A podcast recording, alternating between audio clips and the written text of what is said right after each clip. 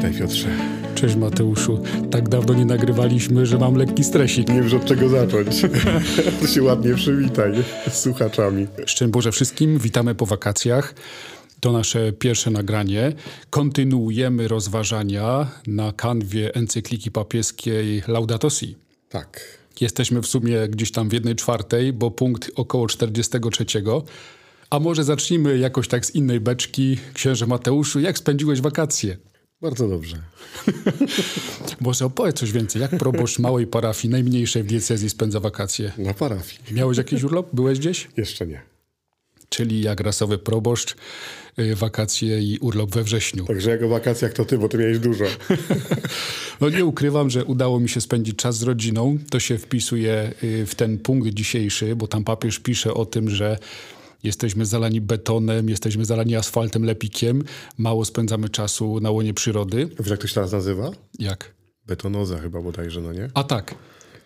Więc ja y, i z rodzicami, i z bratem, z siostrą, i z siostrzeńcem, i, i z bratankami, y, zarówno gdzieś tam nad morzem, jak i w Zakopanym. I nasze odkrycie, Polska jest piękna. To moglibyśmy skończyć. Nie, nie, nie. Trzeba jeszcze tylko dołożyć, troszczmy się o nią. Bo papież mówi dokładnie w tym temacie i ten nasz dzisiejszy punkt, taki pierwszy po wakacjach, na mnie zrobił ogromne wrażenie. Bardzo ciekawy punkt. Po tych takich punktach, które były takie bardzo szczegółowe, jak chodzi o przyrodę, która nas otacza, całe środowisko, byśmy powiedzieli, to teraz mamy takie rozważania bardziej, yy, bym powiedział, z pogranicza społecznego, filozoficznego, Tak, relacyjnego, może na takiej zasadzie. tak. Ja przeczytam tytuł, bo tytuł już jest taki pogorszenie jakości życia Tak, i upadek społeczny. wątek społeczny. Nasi koledzy na innym kanale, ksiądz Kamil Żółtaszek i doktor Bartosz Kołoczek, mają teraz powakacyjny odcinek o Brytanii i tam będzie też o upadku Brytanii. I to mi się tak skojarzyło, że nagle po wakacjach wszystko upada. Nie, no jeszcze nie upada. Ale bardzo ciekawe już w ogóle wprowadzenie do tego punktu. Dobra, zróbmy z tego punkt pierwszy. W tym wprowadzeniu, bo chyba złapałem papieża na herezji. Tak? No, Jakiej? no powiedz to twoje, a ja powiem resztę. Znaczy mi się podoba to, jak papież podkreśla, dlaczego w ogóle się tym zajmuje. Aha, pokazuje człowieka, który ma dwie takie ważne wartości w swoim życiu. Jedna to jest jego godność, tak. czyli coś, czego mu, że tak powiem, nie powinno się odbierać. Tu się zgadzam z papieżem I drugie to, że ma prawo do szczęścia. I tu się nie zgadzam. Tak myślałem. Bo pierwsze zdanie tego 43. Jeżeli weźmiemy pod uwagę, że człowiek jest stworzeniem, które ma prawo do, dwukropek, do życia i szczęścia w tym świecie. Tak. I ja się nie zgadzam z tym sformułowaniem, że człowiek ma prawo do szczęścia w tym świecie. Uważam, że jest to tak. ym, Być może rozumiem papieża, co on chciał powiedzieć, mogę go bronić, ale to sformułowanie, gdyby ktoś łapał nas za słówka, nie wiem, czy w kościele jest lewica i prawica, Jest. ale gdyby ktoś. Pamiętasz nasze w seminarium rozważania na wykładach, jak było powiedziane, że to jest, to jest bardzo taki ważki, delikatny temat, że rodziny mają prawo do posiadania dzieci. No, I było tam powiedziane, że z, z różnych względów tak się zdarza, że jakaś rodzina może nie mieć dziecka. No tak. A skoro jest takie mocne sformułowanie, że mam prawo do dziecka, to w realizacji tego prawa sięga się już po wszelkie sposoby, żeby tylko to prawo zrealizować. I ja jakoś żyję z tym zdaniem od czasów studiów, że takie sformułowanie jest bardzo, może, może nieprecyzyjne, nie wiem jak to nazwać. Tak, tylko ja się zastanawiam, czy to nie jest tak, że trochę odwróciłeś teraz sytuację. Możliwe, No nie, że ty patrzysz z perspektywy człowieka, który mówi mam prawo do szczęścia, tak. e, a papież chyba chce powiedzieć, że świat, w którym żyjemy, powinien dawać człowiekowi taką możliwość, albo przynajmniej jej nie odbierać. A to inaczej No brzmi. i teraz inaczej brzmi, ale tak naprawdę jest dalej tym samym problemem. Problem szczęścia. Problem w ogóle tego, czy do czego mamy prawo tak naprawdę. No, Nie wiem, czy teraz nie będzie tak, że skończymy ten rozdział i ten odcinek na tym jednym punkcie. Nie, będę, będę pilnował czasu. Jeżeli ja komuś powiem, masz prawo do szczęścia w tym świecie, i to mówi papież, i ten ktoś no urodził się w Afryce, jest mu ciężko, może nie ma tego pożywienia tyle, ile by chciał, albo, albo jest w Europie i cierpi głód, niedostatek, jest bezdomny. I ja przychodzę jako ksiądz i mówię, wiesz, bo papież w Laudato Si napisał, masz prawo do szczęścia na tym świecie, nie? To tak jakbym go stawiał wobec zdania, to kto mnie krzywdzi? No i właśnie chyba dlatego papież to pisze, bo chce pokazać potem, kto nas krzywdzi. No w tych punktach jeszcze nie pokazał, kto nas no, krzywdzi. ale myślę, że taka jest w ogóle idea tej encykliki, bo to nie jest encyklika tylko o tym, że należy chronić planetę, ale to jest przede wszystkim encyklika o tym, że należy chronić człowieka. I teraz, jeżeli na przykład spojrzymy na Afrykę i na y, sytuację ludzi, którzy są, żyją poniżej jakiegoś takiego progu godności, byśmy powiedzieli, mhm to czy to nie jest wynik tego, że jego prawo do takiego podstawowego szczęścia, bo jeszcze teraz właśnie by trzeba było zdefiniować szczęście. No, no i dlatego... Do takiego podstawowego szczęścia. Myślę, że nie chodzi papieżowi o takie szczęście w wymiarze, że mogę zrealizować wszystko, co mi się wymarzy. No. Tylko o takie szczęście, które się wiąże z tą ludzką godnością. Ja bym to tu połączył, tą godność z tym szczęściem. Bo wtedy szczęście to jest taki moment, w którym jest zrealizowana moja godność jako osoby ludzkiej. Jeżeli teraz na przykład yy, mój ojciec idzie do pracy i zarabia jednego dolara i ma za to wyżywić pięcioosobową rodzinę, to on żyje poniżej godności ludzkiej. Mhm. I nie ma mowy o szczęściu, nawet takim podstawowym. Mhm. Więc y, w tym momencie ktoś mi to zabrał. Tak. I myślę, że o coś takiego chodzi papieżowi. No ale mogą być też sytuacje niezawinione, że powiedzmy to, tą możliwość realizacji szczęścia, pełnego szczęścia, jakie sobie wymarzyłem, nie zabrał mi drugi człowiek, nie zabrał mi ktoś dzisiaj, wczoraj, przedwczoraj, tylko system, który się uformułował przez, nie wiem, 100 ostatnich lat. I nie mogę wskazać konkretnej osoby, która mi zabrała możliwość realizacji mojego szczęścia. I dlatego tutaj widzę nawet gdybym bronił Twojego stanowiska, że papież zwraca uwagę, yy, kto nam to szczęście zabiera, to są sytuacje, że nie mogę wskazać takiego człowieka i to mm, na gruncie tej encykliki rozmowa z człowiekiem pozbawionym tego szczęścia jest ogromnie trudna. No, ja tu się jeszcze nad jednym zastanawiałem, czy to nie jest tak, że troszkę y, łatwo nam przychodzi powiedzenie czegoś takiego. No tak. No nie?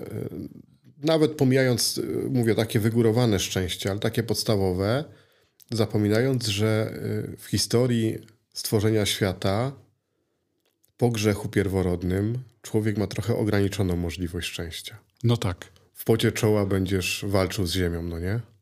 W bólach będziesz rodzić. To po co papież pisze taki tekst? No, spytaj się papieża. No, naprawdę i dało mi to no, ostatnią godzinę przed tym dzisiejszym nagraniem. O tym, o tym sobie rozważałem i wpisałem w internet, czy w ogóle człowiek ma prawo do szczęścia, no, taką, w taką frazę. I znalazłem dokument, który mi się bardzo spodobał i to jest Deklaracja Niepodległości to jest ten dokument ze Stanów Zjednoczonych, który został podpisany 4 lipca 1776 rok. Chodziło o to, że Stany Zjednoczone były kolonią brytyjską i 13 przedstawicieli, y, czy tam przedstawiciele 13 stanów podpisali taką deklarację, że oni są suwerennym państwem, są wolni, wypowiedzieli posłuszeństwo królowi brytyjskiemu. I do czego zmierzam? Bo w tej deklaracji jest piękne zdanie na początek.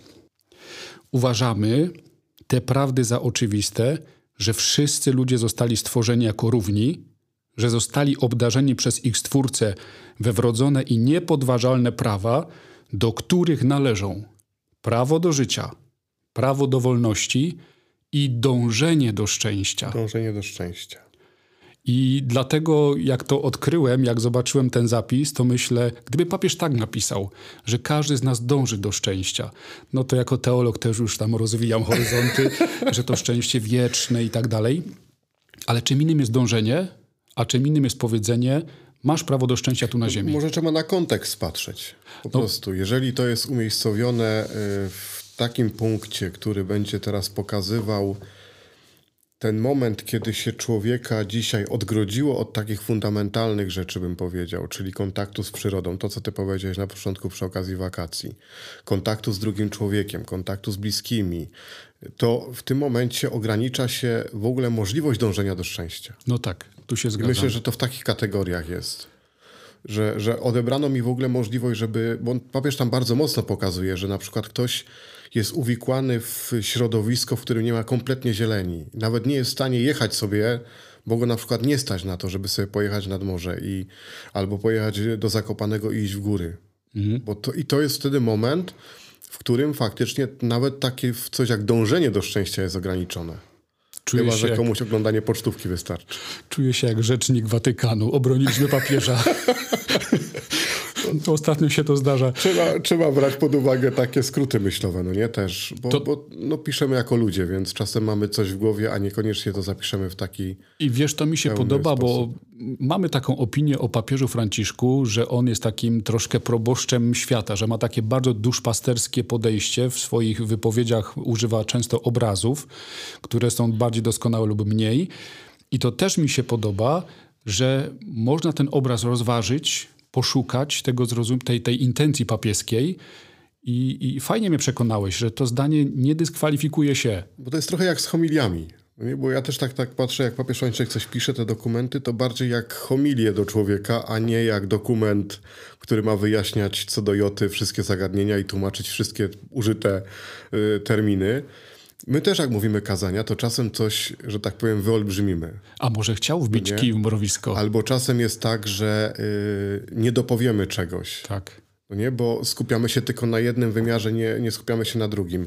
I myślę, że tu akurat słowo szczęście nie jest takim słowem, które by wymagało od papieża, żeby to jakoś bardzo rozbudowywał. On chce pokazać, gdzie są granice postawione dzisiaj człowiekowi. On idzie dalej. Nawiasem mówiąc, lubię sobie przeglądać takie te krótkie filmiki, w których często w angielskojęzycznych wersjach są świetne mądrości zawarte.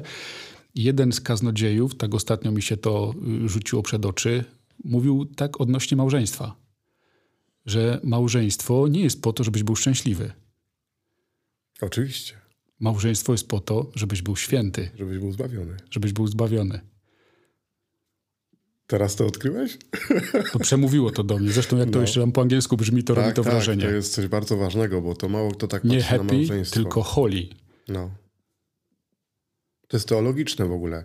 Jest po to, żeby dwoje ludzi się uświęciło, a jeżeli mają dzieci, to żeby się uświęciło w rodzinie i uświęciło też dzieci, które mają. I to szczęście, jak my często to mówimy, jest takim darem, który wypływa z tej świętości. Ale mówię, no szczęście to jest temat, który by trzeba było całkowicie oddzielnie rozwijać, więc może nie nie, dzisiaj. Nie, nie, nie, nie. No to dobrze. No to w takim razie, co papież mówi, co może nam zabrać nawet tą możliwość dążenia do szczęścia? No mi się podoba, jak to papież tak ujął bardzo krótko. Miejski chaos, problem transportu, skażenia wizualnego i hałasu. Tak. To skażenie wizualne jest ciekawe. Doszukiwałeś, co, co mógł przez to rozumieć? Y, no myślę, że to w jaki sposób wyglądają nasze miasta, nasze miejscowości, y, to jak wygląda otoczenie, w którym żyjemy, że często jest pozbawione jakiejkolwiek harmonii, y, często jest to wynik takiego braku w ogóle jakiejś wizji przestrzennej. Wiadomo, że dzisiaj troszkę się już próbujemy poprawiać w tym, ale no jak wyjdziesz na miasto, to nie masz takiego poczucia, że jesteś w czymś, co uspokaja, co sprawia, że się dobrze czujesz. Z reguły jest wręcz przeciwnie, no nie? Albo pełno billboardów, pełno reklam, budynki, które jedne są wyremontowane, drugie nie. Y, czasem tak poukładane, że w ogóle nie wiadomo o co chodzi, kto to wymyślał. Więc myślę, że o takie coś chodzi papieżowi. I do tego hałas, który no jest chyba jedną z bolączek dzisiejszego świata. W niektórych zegarkach tych na rękę jest taka funkcja rozpoznawania hałasu i przyznam, że czasami wyskakuje mi powiadomienie, jest za głośno. Jeżeli tak. będziesz tu dłużej przebywał, no to może to grozić uszczerbkiem słuchu. To jest też takie pytanie o to, na ile my się stroszczymy, no nie? bo to jest akurat coś, na co mamy wpływ pewnym sensie. Papież pisze to z perspektywy świata, no bo my jednak w Polsce raczej narzekamy na te różne instytucje, które wymagają od ciebie koloru dachu, bo jest zagospodarowanie przestrzenne. I spotkałem się, że raczej ludzie narzekają na to, że muszą się dostosować do pewnych norm w środowisku, ale pomyślałem, że przecież są miasta, które są budowane bez takich praw. Gdzieś tam papież mówi o slumsach no tak, no wystarczy sobie na YouTubie włączyć jakieś takie podróżnicze rzeczy i zobaczyć, jak wyglądają takie slumsy, jak wtedy, w jakim otoczeniu wtedy człowiek żyje. Więc to. Co widzi na co dzień, no nie? Łatwo jest interpretować papieski tekst tylko ze swojej perspektywy. Trzeba tu popatrzeć szerzej. Y, papież też poruszył taką sprawę, na mnie to zrobiło wrażenie, że nawet jeżeli już się buduje piękne miasta, nawet jeżeli już masz dużo zieleni w tym mieście, to ona bywa okratowana tak. i zarezerwowana dla bogatych, tak którzy mają. osiedla i, i, i tak dalej. I to było dla mnie odkrywcze, że no ktoś tam próbuje sprzedawać nawet zieleń. Jak to się zrobił tak, cenny pewien, towar. Pewien, pewną przestrzeń się sprzedaje, tak. no nie? Taką, która jest niedostępna tak po prostu. I coś, co jest bardzo naturalne, no my jesteśmy tu w Polsce, nie? Pomyślisz o wyjściu do lasu, to idziesz od razu. A dla kogoś to może być niemożliwe. Albo bardzo kosztowne. No i to jest coś, co jest, że tak powiem, zewnętrzne, no nie względem człowieka, bo nie ma na to wpływu. Nie stać go, nie jest w stanie zarobić, mieszka w milionowym mieście, nie ma mowy o tym, żeby wyszedł na spacer i wszedł do parku, bo nie ma takiego parku, a jak już jest zieleń, to niestety, ale trzeba mieć przepustkę, no nie? Mm, to w postaci było, dużych pieniędzy. To było mocne, to co papież napisał. I kolejna rzecz, która też na mnie wywarła wrażenie, ty to fajnie powiedziałeś, że papież to poszerza na społeczeństwo, te różne problemy, no to wyłapałem, że mówi o wykluczeniu społecznym, o nierówności w dostępie do usług, o przemocy takiej strukturalnej, o, o narkotykach, o utracie tożsamości. I też papież porusza, że jest to spowodowane współczesną dynamiką mediów. No, do mediów to nam dopiero później dojdzie, a wcześniej podkreśla coś, co jest dzisiaj takie popularne bardzo, czyli tak zwany rozwój integralny. I papież pokazuje, że nie po drodze nam z rozwojem integralnym, mhm. że jest postęp, który nas bardzo przegonił i rozwój, który kompletnie do tego postępu nie przystaje. I, I to jest problem, który potem rodzi te wszystkie właśnie y, sytuacje, takie jak tu opisane przez papieża, czyli i te kwestie technologiczne, i kwestie wykluczeń, i kwestie narkotyków, że my nie nadążamy za postępem, a z drugiej strony bardzo chcemy go dogonić. Teraz człowiek jest taki na takiej zasadzie, że jeszcze tkwi mentalnie, moralnie, etycznie gdzieś 100 lat temu, a tu już by chciał być całkowicie nowoczesny i tu mu się ten integralny rozwój całkowicie roz, rozsypuje. To, co właśnie powiedziałeś, świetnie tłumaczy, ostatnio jestem fanem, profesor Andrzej Dragan. To jest fizyk teoretyk. Tak, znamy, znamy. I nawet sobie przygotowałem, bo nie sądziłem, że na to zejdziesz, a przydało się. Urodził się w 1978 roku. Y, jest związany z Uniwersytetem Warszawskim. Jest też związany z Narodowym Uniwersytetem w Singapurze. Jest profesorem. Zajmuje się y, informacją kwantową, fizyk teoretyk, ale też przy okazji jest fotografem i stworzył własny sposób y, cyfrowej obróbki zdjęć. Ten jego sposób nazywa się efektem Dragana. On tam używa takiej gry kolorów, y, gry oświetleń, y, używa pędzli do korekcji tego światła. I co on powiedział? Że on jest fizykiem, on chce zrozumieć, jak działa świat. I to robią fizycy no, od średniowiecza, od, od dłuższego czasu. I wszystkie te odkrycia prowadzą nas do zrozumienia, a efektem ubocznym jest technologia, która na podstawie tych odkryć jest tworzona i budowana. Efektem ubocznym jest gospodarka. Więc on tak naprawdę chciałby zrozumieć świat. I fajnie mówi, że według fizyki życie na Ziemi powstało bardzo szybko po tym, jak ochłodziła się Ziemia. Zaraz te, te pierwsze tam jakieś, nie chcę używać liczb. Ale potem trzeba było czekać 2 miliardy lat, żeby to życie było inteligentne. I takie myślenie, że my od średniowiecza poznaliśmy już wszystko o kosmosie, o człowieku, o psychologii, o, o ekologii, to jest dość naiwne, że przez 400 lat jesteśmy w stanie wszystko odkryć i osiągnąć. Oczywiście, że tak. I podaję przykład Arystotelesa, który twierdził, że my widzimy dlatego, że nasze oczy świecą. Tak, tak, a nie na, a jest na odwrót. No nie? No, że, że jakieś światło się wydobywa z oka i oświetla przedmiot, to światło wraca i dlatego widzimy.